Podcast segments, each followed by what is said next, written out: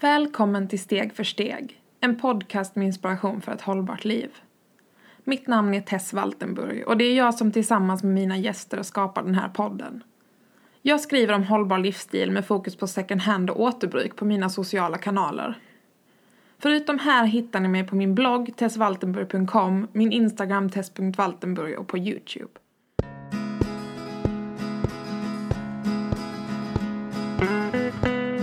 I dagens avsnitt träffar vi Maria Soxbo som har varit med och grundat Klimatklubben för att prata om vad vi alla kan göra för en bättre värld och om deras nya bok Gör skillnad.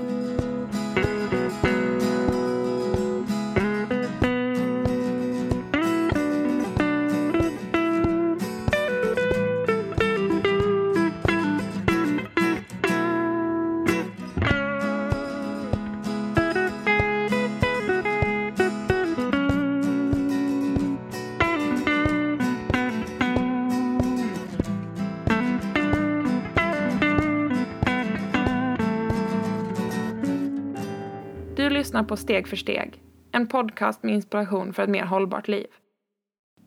Vill du börja med att berätta lite om dig själv? Det kan jag göra. Eh, jag heter Maria Soxbo. Jag är journalist i grunden, eh, uppvuxen i Sundsvall, eller utanför Sundsvall. Ehm, jag är fortfarande journalist, fast jag skulle väl säga att jag är mångsysslare nu, där journalistiken bara är en liten del. Ehm, jag driver en blogg sedan nästan 12 år tillbaka som heter Husligheter. Eh, som var enbart inredning väldigt länge men nu skulle jag nästan säga att det är en hållbarhet som är fokuset. Mm. Eh, fast jag kopplar det på olika sätt i hemmet. Liksom. Eh, och så är jag en tredjedel av grundarna till Klimatklubben också eh, som startade i höstas. Mm. Som är ett ideellt initiativ som samlar liksom upp klimatengagemang på olika sätt och försöker sprida det vidare. Eh, det är väl det jag gör. Föreläser också. Mm. Eh, konsultar lite och sådär. Du hör, det blir mer och mer slash, slash. Lite det här och lite det här. Jag intervjuade ju Johanna som har varit med och grundat Klimatklubben precis, precis när ni hade släppt det. Vill ja. du berätta lite om vad ni har gjort sedan dess? Det, det, var ju en galen resa där eftersom det gick så fort i början. Det var, mm. kom så mycket följare på en gång. Bara första natten fick vi tusen följare. Eh, och liksom fyra dagar hade vi 5000 följare. Det bara fortsatte och fortsatte. Så det blev ju ganska mycket uppmärksamhet direkt i början. Mm. Eh, vi gjorde ganska mycket intervjuer i olika sammanhang och sådär.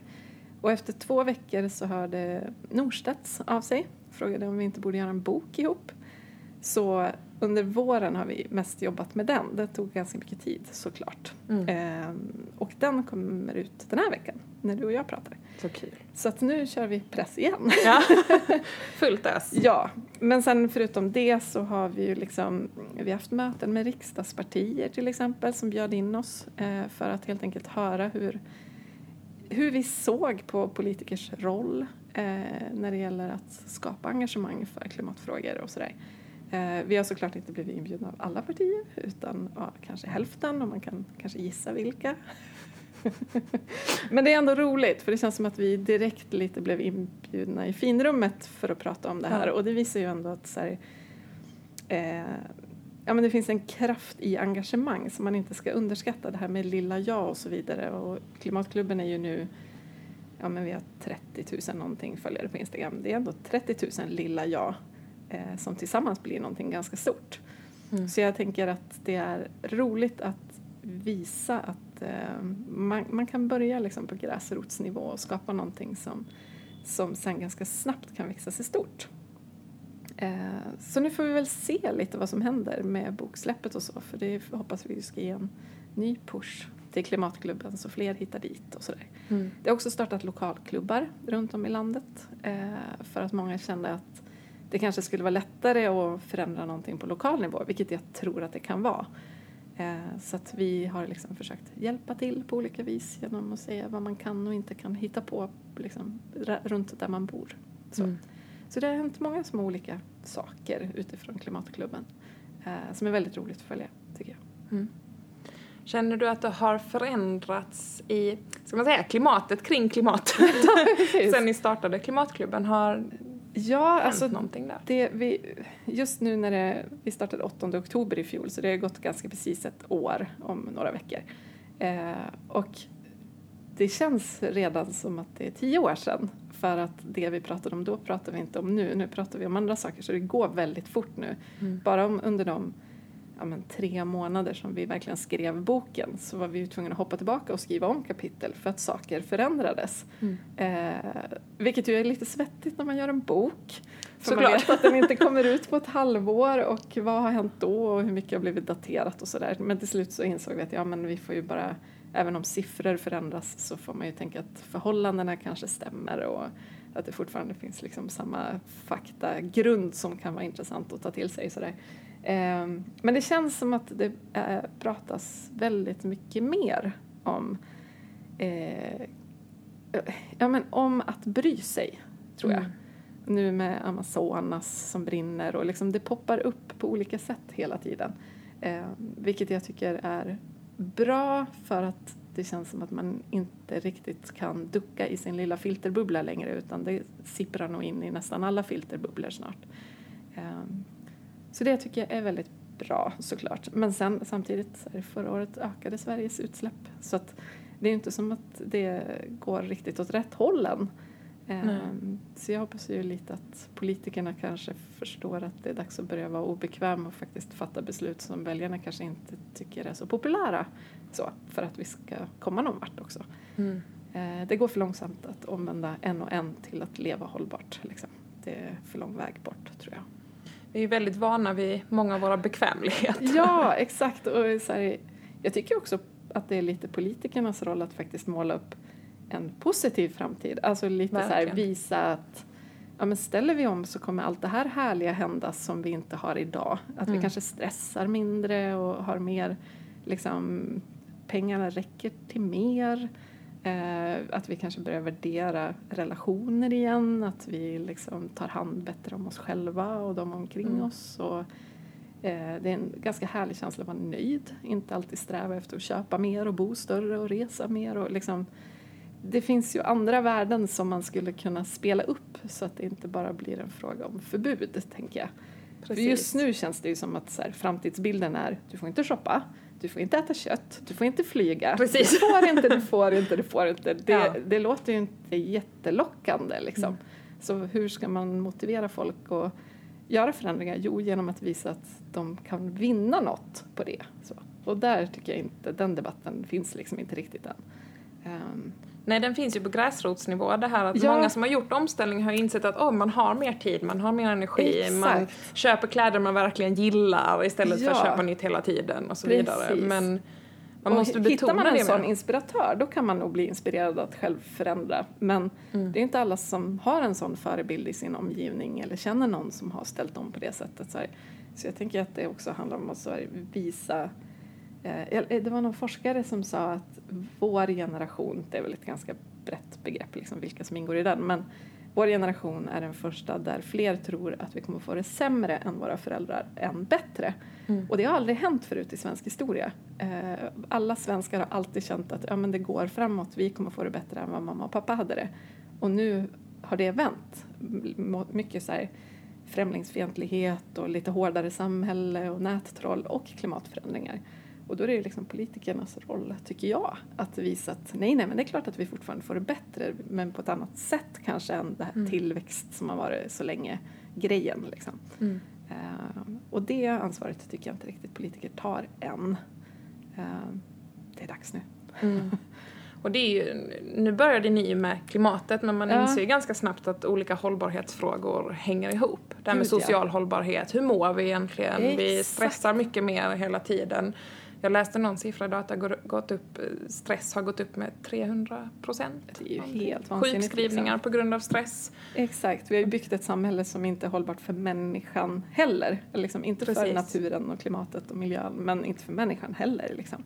Mm. Eh, så att det, vi har ju allt att vinna på att ställa om.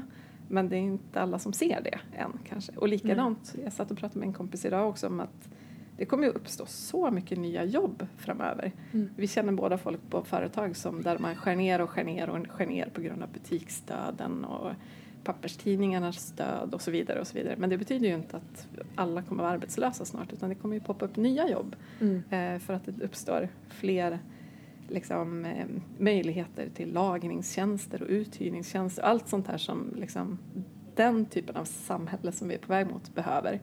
Men jag tror inte riktigt vi ser det heller än. Så det känns som att allt bara blir sämre. Mm. Eh, och det är ju det kanske den största utmaningen att visa att här, det kommer att bli bra. Vi ska jobba mot det så får vi det sen. Så jag Mm. vet inte hur man gör det riktigt. Men Klimatklubben är ju, liksom, vi jobbar ju med morötter istället för piskor så vi har ju hela tiden försökt ha det där positiva anslaget. Liksom. Man ska känna att det är mysigt och roligt och härligt att engagera sig, inte bara en Mm. plikt. Liksom. Jo, och det tänker jag så himla mycket på. Det är så många som frågar, men hur ska samhället fungera om vi inte konsumerar? Och lösningen är kanske inte att sluta konsumera, för det är självklart att vårt ekonomiska system hänger mycket på moms och även inkomstskatt också.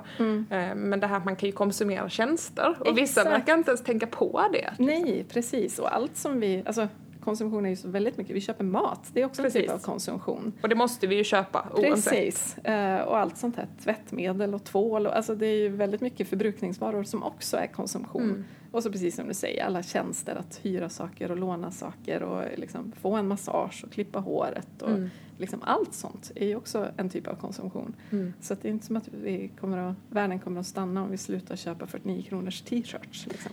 Nej, och det är kanske snarare då att man får köpa en för det det faktiskt är värt. Ja. Om man betalar alla i alla led och då kanske det blir hållbart Exakt. för även de andra. Precis, då behöver vi inte köpa 200 sådana t-shirts utan det räcker med 10 så har ganska många människor ändå fått samma pengar i slutändan. Liksom. Precis. Eh, Så det, det, det är ju liksom inte... eh, Ja, det är klart det fråga om att alla måste sänka utsläpp på olika nivåer men det handlar väldigt mycket om mindset också, Mm. hur vi ser på hela samhället. Liksom. Och Mm. förstå att vi är samhället, tänker jag.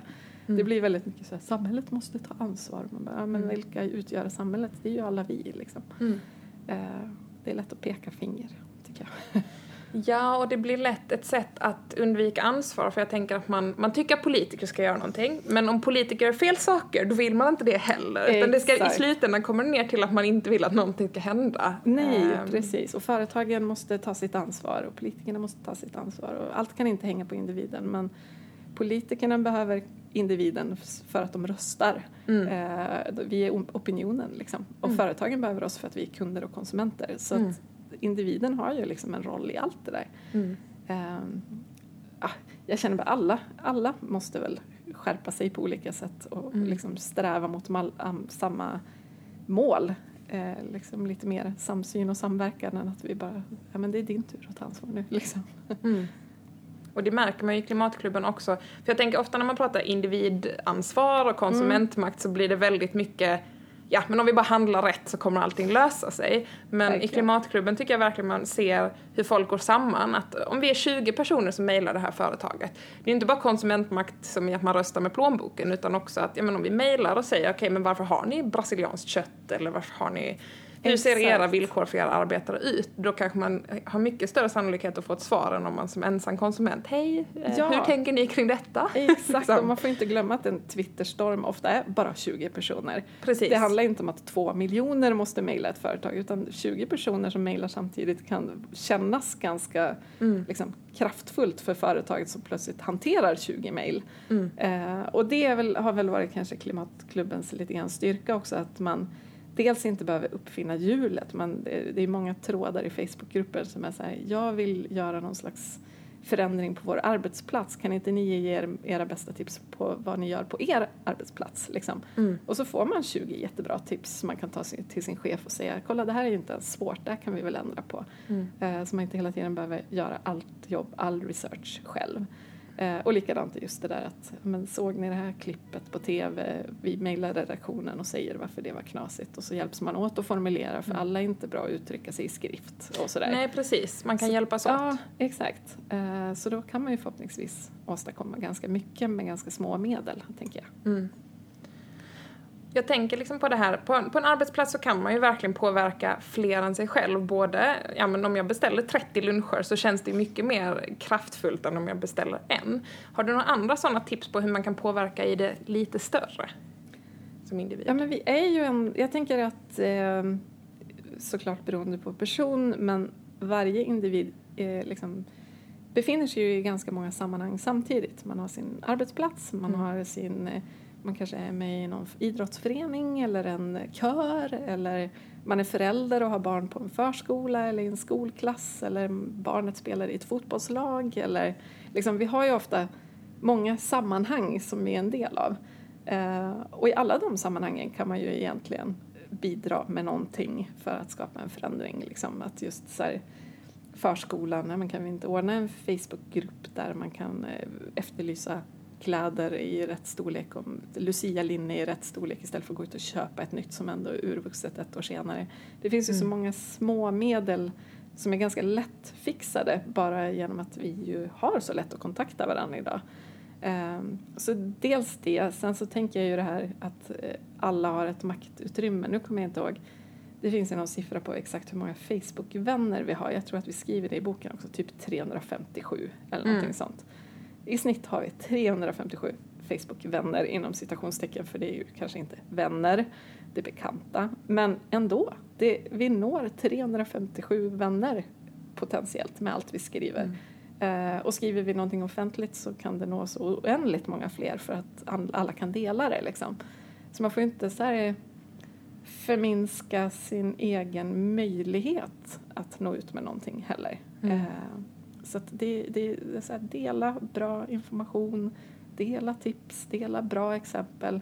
Mycket det här med normförskjutning pratar vi om i Klimatklubben. Just att så här, om du nu måste flyga, du kanske inte ska dela det. Eh, Vissa kan inte, Precis. man, har man släkt i USA kanske man måste få åka och hälsa på dem. Men Som man jag. behöver inte, exakt. Mm. Man kan ju liksom inte förvägras att träffa sin familj liksom.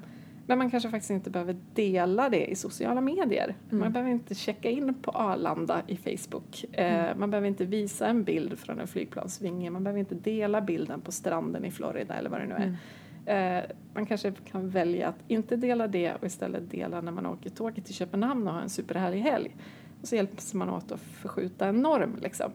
För nu har det väldigt, väldigt länge varit så att allt man möts av i semestertider är flygplatsbilder, eh, resmål som man bara kan nå med flyg. Eh, det är klart att det känns som att alla gör det, varför ska inte jag? Varför ska jag vara den enda som avstår? Mm. Eh, men om vi sen om ett, ett år, två år plötsligt bara ser tågbilder då känns det helt bisarrt att posta en flygbild. Eh, för då sticker man ut och vi är ju flockdjur. Det ska vi ju liksom aldrig glömma att vi tycker om att vara, liksom inte sticka ut för mycket. Alla vill väl vara lite originella kanske men, men vi vill inte sticka ut så mycket att vi bryter mot normer helst. Mm. Eh, så om vi hjälps åt att förskjuta en norm så blir det också lättare att passa in i den nya normen.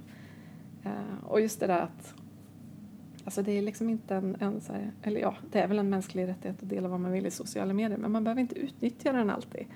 Man kan ju faktiskt, om man nu vill skicka uppdateringar till sin familj från semester så kan man ju faktiskt skicka ett MMS istället för att lägga upp det på Instagram till allmän beskådan. Liksom. Mm. Det, är inte, det är inte jättesvårt att låta bli. Nej, och man kan ju också göra, jag har en bekant som hon hon gjorde övervägningen att okej, ja, men jag flyger ena hållet och tar tåget andra för att Mm. hon, har, hon har en liten son och så här. Ehm, och då la hon ut och berättade hur hon hade tänkt också, hur hon hade, faktiskt hade jämfört flygbolag. Hon sa att ja, det här är ingen perfekt lösning. Jag menar inte att okej, tar du det här flygbolaget så är det lugnt. Men när man har familj som man ska hälsa på att okej, så här hade jag tänkt. Och när det gäller klimatkompensation, nu är det ju ett problematiskt ord, men eh, att hon hade kollat upp vilka grejer som gör störst skillnad idag. För man vet ju inte om man planterar träd om de får stå kvar och så vidare. Nej, precis. Eh, och att man också kan men välja vad man delar på sociala medier oavsett hur många följare man har eller hur många Ja, vänner man har. verkligen. Ta ansvar för det. Och just att, att dela med sig av ett resonemang är ju aldrig fel. För då visar man ju någonstans så här, ja, jag har tänkt på det här, jag, jag vet att det är ett problem. Jag lyckades inte lösa det den här gången, men jag vill lösa det. Eh, den här gången blev det så bra jag kan, det är det här. Då liksom, även om man då visar att ja, jag flög, det känns inte bra, och, men det kan ju plantera frön hos de som läser det också. Eh, så det är ju det är ju ett jättebra sätt att göra det på. Just att visa också att det är svårt att lösa det. Man är inte ensam om att tycka att det är svårt. Liksom. Ehm, och sen alltså klimatkompensering det är ju ett speciellt... det är liksom ett speciellt...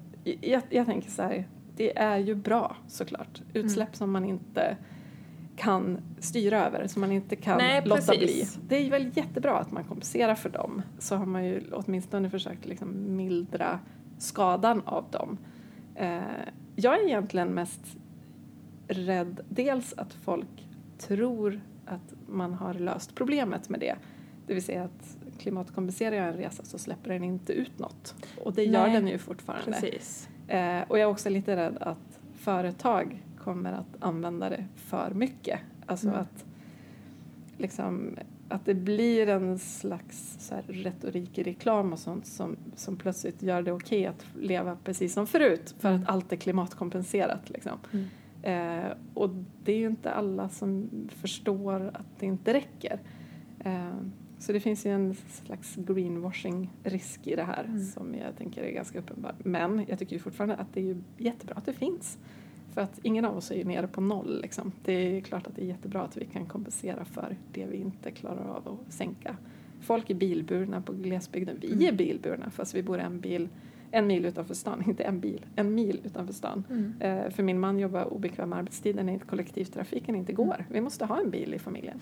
Och de som bor i stan är ju också beroende av transporter. Ja. För det, det tänker jag att det är väldigt lätt när man bor i stan att tänka att ja, men jag cyklar överallt. Man bara, Ja. ja, men hur, din mat transporteras ju. Ja, absolut att det är ju, man kan ju ordna mer man kan ju sam, samköra grejer på ett helt annat sätt om man hade lagt om transportsystemet. Men vi är ju alla beroende av transporter. Verkligen. Jag hörde Absolut. någonting om att Sverige är katastrofalt dåliga på det här med beredskap för kris just för att vi är så beroende av transporter. Oh ja, Vi tänker att vi verkligen. ska ha mat, alltid. Ja, det, det finns mat, tänker Precis, vi. Att, utan här- reserver och utan... Exakt. Nej men det är, ju, det är ju verkligen sant. Och sen har vi ju lite...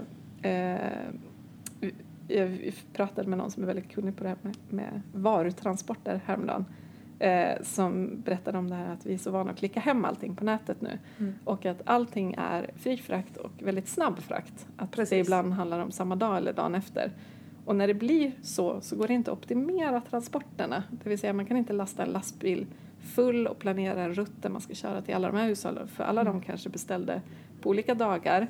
Eh, de förväntar sig paketet på olika dagar. Eh, Mm. Så då blir det lite att halvtomma bilar kör för att den kunden måste ha sitt paket idag, inte imorgon. Mm. Grannen ska ha sitt imorgon, inte på fredag och så vidare. Och så går det liksom inte att eh, optimera transporterna. Mm. Och det är ju helt sjukt att vi inte kan förklara det också på ett sätt så att folk förstår att ja, om du väntar två dagar då kommer vi spara två utkörningar med bilar Mm. till ditt område. Liksom. Det hade ju företag kunnat pusha mer för. Jag vet vissa Precis. som har liksom, där det är väldigt tydligt att det är miljöfrakt.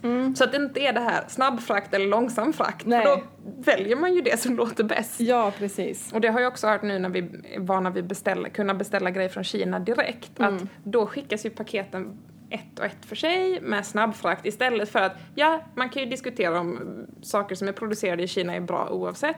Men när det, när det transporteras då i ett skepp under väldigt lång tid för att finnas på ett lager i Sverige Mm. som sen skickar ut det. precis. Ehm, men jag tänker det är lite det här att vi, vi har ju mer och mer distans till saker. Framförallt nu när vi kan köpa på nätet att det är ju ett klick bort. Ja, vi ser ju verkligen. inte vad som händer för att ta den där varan hem till oss. Precis, och just den här vansinnet med fria returer också som Mm. gör att vi Åh, den där tröjan var snygg. Undrar om jag passar bäst i blått eller grönt. Jag tar en av varje. Eh, undrar om vilken storlek som sitter bäst. Mm. Jag tar tre av varje. Och så är det sex skjortor som kommer hem. Man provar och returnerar fem för det är ju fria returer liksom. Mm. Eh, och det är ju enormt mycket transporter för det är ju inte bara transporten tillbaka till företaget utan sen flygs den till något lager där kläderna ångas och plastas in på nytt. Liksom det är ju en hel kedja till som är i onödan egentligen. Mm. Ehm, som vi måste börja bli lite medvetna om för jag tror inte Mm. vi tänker ens så långt utan vi bara tänker vad smidigt då behöver jag inte skicka tillbaka och köpa en ny om det var fel storlek. Liksom. Mm. Eh, så att vi har ju en, en ganska vrickad konsumtionsvana eh, just nu. Eh, det handlar inte bara om överkonsumtion utan också hur vi konsumerar och att det är lite tanklöst allting. Liksom. Mm. Eh, men det är inte lätt att veta för det är inte många företag som är så transparenta att det går att förstå det här heller. Nej. Eh, så det är väl ett systemfel, det är inte individens fel utan det är bäddat för att vi ska bete oss så här. Mm. Så gör vi det. Liksom. Men jag tänker att där är det också en normförskjutning som behövs. Det här att vi är vana vid att ha allting ja, vid våra fingerspetsar. Vi ska kunna klicka hit och klicka dit så ska det komma hem. Och det Ja. finns ju absolut fördelar med det när man är trött småbarnsförälder, att man kan få maten levererad till dörren Ja, och så vidare. Gud, ja. Sen där vet jag att det finns vissa företag som har, okej nu har folk i ditt område beställt mycket vid den här tiden, om du vill ha miljöfrakt kan du välja Det den är ju tiden. Det är ju toppen, så vet Ja. man att okej, det kanske inte gör så mycket för mig om jag väljer den här eller den här tiden. Men där tänker jag att företagen måste lyfta det mer. Okej, här finns ett miljövänligt alternativ. Precis. Och lite när man, ja men det kanske borde faktiskt poppa upp lite mer om man nu lägger fyra likadana skjortor i olika storlekar i varukorgen att det faktiskt står att, bara så att du vet, returen är gratis, eller den borde kosta något, men Eh, men den kommer innebära så här, din retur kommer uts- Mm. orsaka så här mycket utsläpp. Är du säker på att Mm. du inte kan välja bara en av dem? Mm. Liksom att man får det här, eh, ja men liksom föraningen om hur ens aktioner, hur, hur ens agerande, vad det innebär, vad det får för Mm. konsekvenser. För det vet vi ju så sällan. Vi får ju liksom inte en, ett, det står inte på kvittot hur mycket utsläpp vårt köp orsakat. Liksom. Mm. Eh, det, det känns som att vi skulle behöva bli lite mer in your face med Mm. så att man kan, ja men okej det är ju helt orimligt att det ska sen flyga till Litauen och ångas bara för att jag inte orkade ta reda på vad jag har för storlek liksom. Mm. Eh, ja, svårt att komma till rätta med för alla vill sälja mycket dessutom. Men Ja, precis. Och jag tänker det finns vissa saker som kanske hade påverkat försäljningen. Sen Mm. finns det ju vissa saker som, jag vet att Libris har haft innan i alla fall, att de har då en gratis frakt med, ja, som går snabbt och sen så har de någon som tar två, tre dagar men som är, eller det är tvärtom. Det är en gratis frakt som tar två, tre dagar och sen har de en snabbfrakt som kostar. ja, Eh, och där blir det väldigt tydligt för då kostar det ju mer pengar. Och det tänker jag också att det kostar ju företaget pengar om de ska ta med snabbfrakt. Så att Ja, där finns det ju verkligen. till och med ett ekonomiskt incitament för företaget att vilja skicka det lite långsammare. ja, verkligen. Och då är det ju också en så här poäng att ja, men jag har varit sent, alltså det, det lär ju in ett nytt beteende kanske. Jag ska inte Ja. vara så sent ute för det kostade mig pengar. Mm. Eh, om jag nu ska köpa en födelsedagspresent. Liksom. Att hade jag varit ute förra veckan då hade frakten varit gratis. Mm. Liksom. Det är ju ett ganska pedagogiskt sätt att kanske visa att vi borde vara lite mer planerande i vår vardag också. För Mm. ofta, jag tänker väldigt mycket dåliga köpbeslut, dåliga så här, klimatkorkade grejer vi gör. Det handlar ju om stress, liksom, Mm. att tidsbrist. Eh, och det är ju inte... Förra året så bestämde jag mig för att mina barn bara skulle få second hand julklappar. Lite som ett projekt. Så här. Jag kom på det i november och jag tänkte gud vilken tur att jag kom på det nu för det hade väl inte gått att genomföra om en månad. Så. Eh, och så började jag liksom leta reda på vad de skulle få. Och det tog två dagar att lösa julklapparna Mm. second hand. Det tar inte längre tid liksom. Eh, så att det, oftast så tror vi att det är svårare än det kanske är också. Att Precis. lösa saker med begagnat och sådär. Det går ju inte alltid och det är liksom jag har tvillingar till exempel. Ibland kan det vara svårt att hitta två par galonbyxor i samma storlek, Mm. i samma skick, i begagnat samtidigt till exempel. Ehm, men ju mer planerande man kan vara och se till att man har lite marginaler så kan man ju oftast hinna leta. Mm. Eh, och det, det känns också som att, apropå det här med vinning av saker också, att det är ganska skönt att ha julklapparna klart i november alltså. Ja. Det känns ju som att december plötsligt blir en helt annan typ av lugn. Man kan njuta lite och dricka sin glögg istället för att bara känna att man har tusen saker att göra. Så att bara ett lite lugnare tempo och ha lite mer framförhållning. Då Mm. kan vi vara lite mer medvetna och liksom må bättre på kuppen. Och alla som känner att januari är världens fattigaste månad kan ju också kanske spara lite pengar både Exakt. på att ta det på novemberlönen och för att... Verkligen, och för att det kostar en tiondel av vad Precis. jag hade köpt det i butik. Liksom. Mm. Eh, och dessutom, eh, så här, jag försökte min mamma som inte skulle fira jul med oss och dessutom bor 50 mil bort och jag förklarade min plan för henne och hon bara, men jag vill ju gärna också då köpa second hand men hon är lite orörlig, så här, börjar bli lite gammal. Bara, men jag löser det då. Jag Ja. kan ju lösa det åt dig. Jag sätter ditt namn på paketet. Det spelar väl ingen roll, jag har gott om tid liksom. Mm. Så att det går ju att, att trixa lite för att känna att ja, men det här blir en ganska medveten jul till exempel. För jul känns ju som en sån där högtid där vi glömmer allt vad medvetenhet, eh, Mm. liksom, köttnorm och hej och allting bara väller in igen. Mm. Ehm, men med lite så här, Och mycket traditioner som är Ja. svåra att bryta. Det är alltid det här när det kommer till, det känner jag också när man har barn, när, när man ska be andra att ändra sitt beteende. Köp inte en massa grejer till mina barn som redan har ett överflöd och som ärver och som, ja, ja, verkligen. där man liksom, Och andra som då bara vill visa sin kärlek och omtanke Ja, genom att köpa en massa saker. Precis, ja, det är inte lätt och så är det generations, alltså lite olika inställning, olika generationer och och man vill inte göra folk besvikna och man vill inte ställa till liksom, att det ska bli obekvämt och jobbigt stämning Mm. och sådär. Så att det är mycket, man får väl liksom göra så gott man kan och så kanske man kan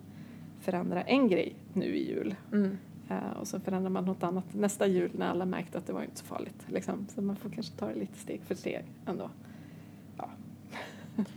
Ja, jag tänker lite på det här med ja, sociala sammanhang.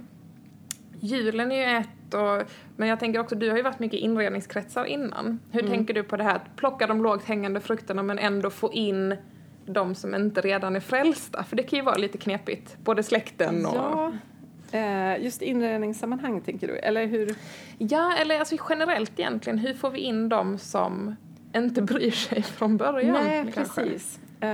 Jag fick Inget dömande mot inredningskretsar. Nej. Jag vet att det finns många som är medvetna, men Exakt, inredning är ju speciellt eftersom det är den eh, konsumtionskategori vi missbedömer vårt eget beteende inom mest, fick jag Mm. lära mig. Eh, att svenskarna, sen 2010 tror vi att vi har shoppat eh, i snitt 3,5 procent mindre inredning och möbler och prylar. Men det är 20,4 procent mer. mm. Eh, Så att vi tror att vi är medvetna konsumenter fast i själva verket är vi raka motsatsen. Vi överkonsumerar något brutalt, liksom. Mm. just inredning. Vilket jag tror till exempel beror på att eh, ja, men kedjorna börjar med inredningssortiment så plötsligt så har vi det liksom, på shoppinggatan där det Precis. förut bara har varit mode. Mm. Eh, nu har vi inredning liksom runt hörnet hela tiden istället för ett köpcentrum liksom en kvart bort. Eh, och det är väldigt mycket mer småprylar, kuddfodral och ljuslyktor och liksom Mm. sånt. Eh, så Och att- shopping tänker man ju ofta mode. Ja, jag i alla fall precis. tänker hand på kläder och Exakt. sen på inredning. Det är lite dolt på det sättet. Precis, så att det är en, en liksom, det är inte lätt att skriva om inredning längre för att jag är så, så här, ja, min blogg är i någon slags omställningsfas just för att jag känner så här, jag är lite osäker på vad jag faktiskt vill förmedla där. Mm. Eh, är det okej att visa bara ett vackert hem? Eller säger jag då, titta vad vackert, så här borde du också vilja bo. Kolla den där tapeten skulle du kanske köpa och Mm. kolla en soffa som är i den där färgen är väl snyggt. Alltså, Mm. vad man än visar upp kan det bli en slags påverkan att du borde Absolut. förändra hemma, du ska inte vara nöjd med det du har för titta här bor någon ännu finare. Mm. Eh, Men sen vill man kanske få in de där personerna som kommer in för den där fina tapeten och i Ja, alla fall få dem att exakt. tänka om lite grann. Exakt, så att jag är i någon slags mittemellan-fas nu att jag tänker att eh, för jag tycker ju fortfarande det är fantastiskt att hälsa på någon som bor vackert. Jag behöver inte bo så själv, exakt så. Mm. Jag tycker bara det är härligt att vara i en vacker miljö och se någons hem. Eh, och, så att jag, jag, jag tampas lite med det där, minst sagt. Mm. Men det är ja, lågt hängande frukt och sådär. Jag tänker precis som du säger, det är lite som Klimatklubben. Eh, när vi startade Instakontot så var vi så helt eniga om en sak, att det måste vara snyggt. Mm. Och det låter så himla ytligt, men när vi under väldigt många år har haft väldigt mycket liksom, miljökamp som har varit väldigt så här, foträt eller vad man ska säga. Alltså det är grönt och brunt och jute och eko och reko och liksom, Mm. det har varit paketerat på ett sätt som är ganska likt eh, i alla kanaler. Och så finns det en målgrupp som inte alls känner sig, liksom så här, identifiera sig med det uttrycket. Då pratar man ju inte med dem. För de Mm. lyssnar inte, för de känner inte igen sig eller de tycker inte om den estetiken. Liksom. Ehm, så då bestämde vi oss för bara att ja, här, vi ska prata om viktiga saker. Texterna ska handla om viktiga saker men bilden ska vara något snyggt som får dig att vilja lajka. Precis. Eh, och det får bli vår liksom, hook in. Att titta vilken vacker bild på fina blommor på ett fält. Nu pratar vi lite om matsvinn här. Mm. och det funkade ju. Ja. Eh, för att när vi i början där efter någon vecka hade 6-7 tusen följare så var det ju små miljökonton som hörde av sig och sa men vad, hur gjorde ni? Mm. Vi har hållit på i tre år, vi har 800 följare liksom. Mm. Och så tittar vi på deras konto och ja, det var ju det här brungröna och ganska tråkiga och torra. Innehållet, texterna var jättebra. Mm. Men det är ingen som följer ett sånt konto för vi vill ha det vackra flödet. Mm. Eh, och då känner jag bara att okej, då spelar vi det spelet. Mm. Då, det, vi vill ju bara åt engagemanget liksom. Om det betyder att vi ska ha vackra bilder, då har vi det. Eh, så man får väl lite så här eh, för att nå ut så får man se till att paketera det på ett sätt så att det når ut, tänker jag. Eh, och då kanske det också går att nå inte bara den lägst hängande frukten utan de som är åtminstone några grenar upp. Mm. Eh, och sen så tänker jag som med allting det här med flockdjur och sådär att ju, ju fler av de lågt hängande frukterna man kan samla så kan man nå fler nästa och så fler och fler till slut så är det ju så många att de sista liksom, högst hängande äpplena kommer att trilla ner av sig själv för de vill inte vara de enda som inte är med i gänget. Liksom. Nej, och det tänker jag också. Jag tycker det är så coolt. Jag har insett i vissa sociala sammanhang som jag kanske inte hade tänkt från början att ja, man, man började med någon och så pratade man liksom och då, då var det bara så här uppmuntran. Jag hörde att du har börjat äta mer vegetariskt, vad kul, vad har du lagat då? Eller ja, någon har berättat att och du, kolla jag färgar min gamla studentklänning och så vidare. Ja, um, och sen har jag liksom insett att fler och fler hakar på och så sitter till slut de här fyra personerna som absolut inte tänker göra någonting och då är de lite utanför. Det är inte poängen att de ska vara utanför Nej. men att man behöver kanske inte börja med dem. Man kan liksom Nej, ta en person i taget. Verkligen, och lite för sin egen ork också. Att ja. stå och stångas med sin liksom, klimatförnekande bilkörande farbror hela julen. Nej. Alltså, det gör ingen glad. Mm. Då är det väl bättre att börja med liksom, systerdottern som är tonåring och vegetarian och, och vill mm. lära sig mer. Liksom. Eh, så är ni två sen som pratar om det här mm. och som liksom kan få med en moster och en brorsa och liksom sakta men säkert. Uh, för jag tänker det, man tappar ju själv lusten om man bara står och stångas med klimatförnekare hela dagarna. Liksom. Och de låser sig uh, ännu mer. Ja, precis. Det blir som en, bara en maktkamp som inte går att vinna. Vi har gjort så, vi har serverat vegansk fika på kalas. Ja. Och så är det jättemånga som ber om receptet som inte har någon aning om att det var veganskt. Eller Exakt. så kommer de och frågar, är du helt säker? Det måste ha varit något annat i det. Ja, men jag tänker det är väl exakt rätt väg att gå. Bara servera någonting mumsigt. Mm. Och så mm. är det någon som säger, åh vad gott, vad var det här? Ja, det är veganskt fika. Mm. Vips har man liksom hoppat över en tröskel utan mm. att någon märkte det ens. Istället för att säga, vill du ha veganska kakor till fikat? Mm. Och så och finns det fördomar och bara, ja, så har du en bulle eller? Alltså, man behöver inte göra det svårt för sig. Det bästa sättet är väl just att presentera det som ett helt vanligt, det man är van vid. Liksom. Mm. Eh, precis som att det är bra att det börjar poppa upp second hand butiker som inte är berg av kläder utan väl utvalda liksom, som är fint upphängda och det känns som en vanlig butik för plötsligt så är det en målgrupp som kliver in som tror att det är en vanlig butik och inser oj det är second hand men vad fräscht det var här mm. uh, och allting kostar hälften så mycket, vad trevligt liksom. Uh, så att jag tänker det där med, med att vi ändå Ja, men man får spela spelet lite. Det folk mm. är vana vid och det folk liksom vill ha det paketerat på ett fint sätt och det här vi är vana vid. Då måste man ju förpacka det bättre alternativet på samma härliga sätt. Så. Och då visar man ju också det här att du behöver inte ge upp mode, du behöver inte ge upp inredning. Ja, Nej, det sättet precis. du har sett på det innan behöver du kanske ge upp och det kanske krävs en, en annan typ av arbete. För det, ja. egentligen vill jag inte säga att det är mer, men det är kanske mer den där första de där första gångerna man går och letar för man måste kolla upp vilken butik man ska till och hur man ska tänka och så. Men Sen är det ju inte svårare. Nej, sen har man ju sin shoppingrunda igen fast det är andra butiker med second hand eller hyr eller vad det än är. Mm. Då har man ju vant sig vid dem istället. Man vet precis vart de ligger, man vet när de är öppet. Alltså, det är ju bara svårt i början, tänker jag. All mm. typ av förändring. Likadant att övergå till vegetariska alternativ när man har lärt sig vilken färs som barnen tycker om. Så, mm. så har man ju den. Då är det inte svårare att köpa den än att köpa den vanliga köttfärsen. Liksom. Eh, så att jag, ja, jag, jag, tror mycket på att här, det måste vara lätt att göra rätt. Liksom. Mm. Eh, servera det till folk. Mm. Eh, och just att bli en inspiratör snarare än någon som skammar. Mm. Tänker jag. Väldigt viktigt.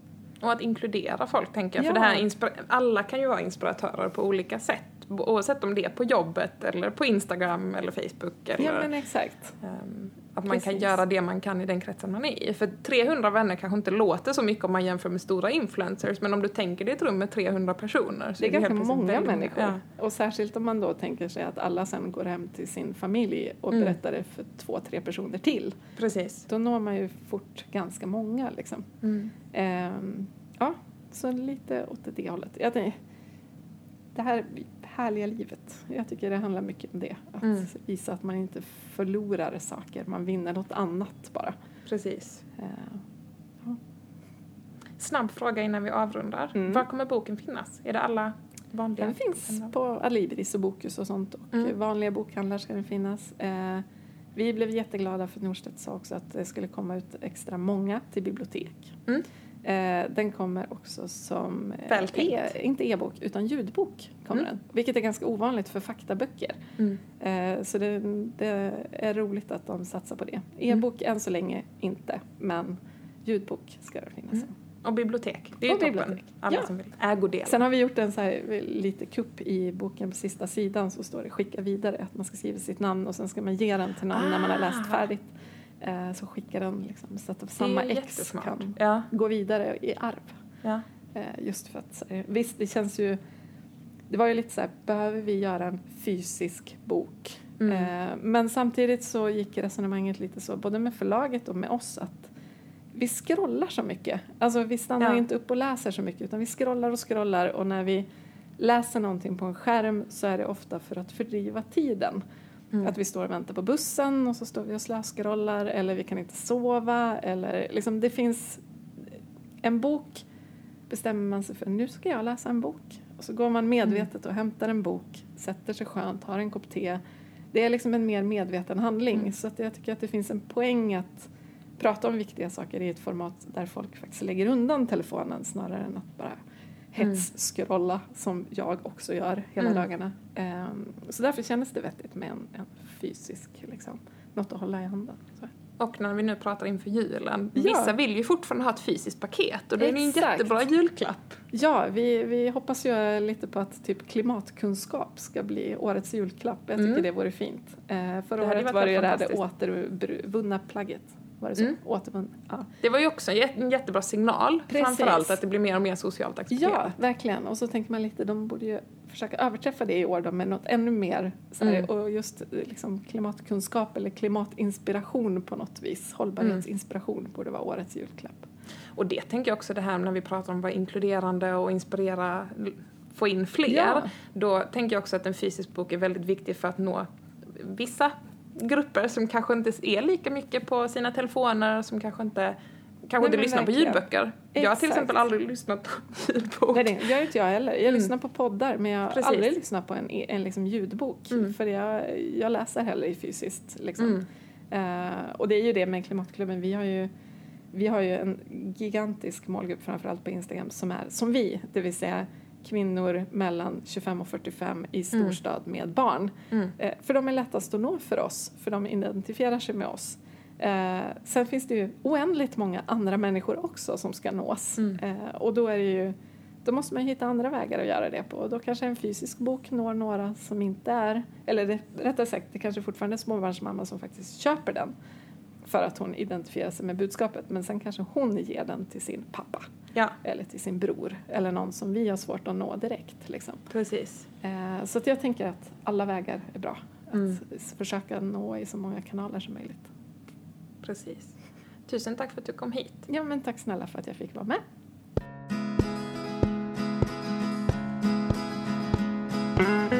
Tack för att du har lyssnat på Steg för steg, inspiration för en hållbar livsstil. Om du gillar det jag gör får du väldigt gärna stötta mitt arbete på patreon.com slash stegforstegpodcast eller genom att prenumerera på podden där, där du lyssnar på den.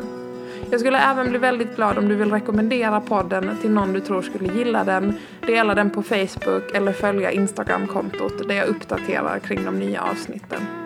Ha en fortsatt fin dag så hoppas jag att det går bra för dig med din nya gröna livsstil.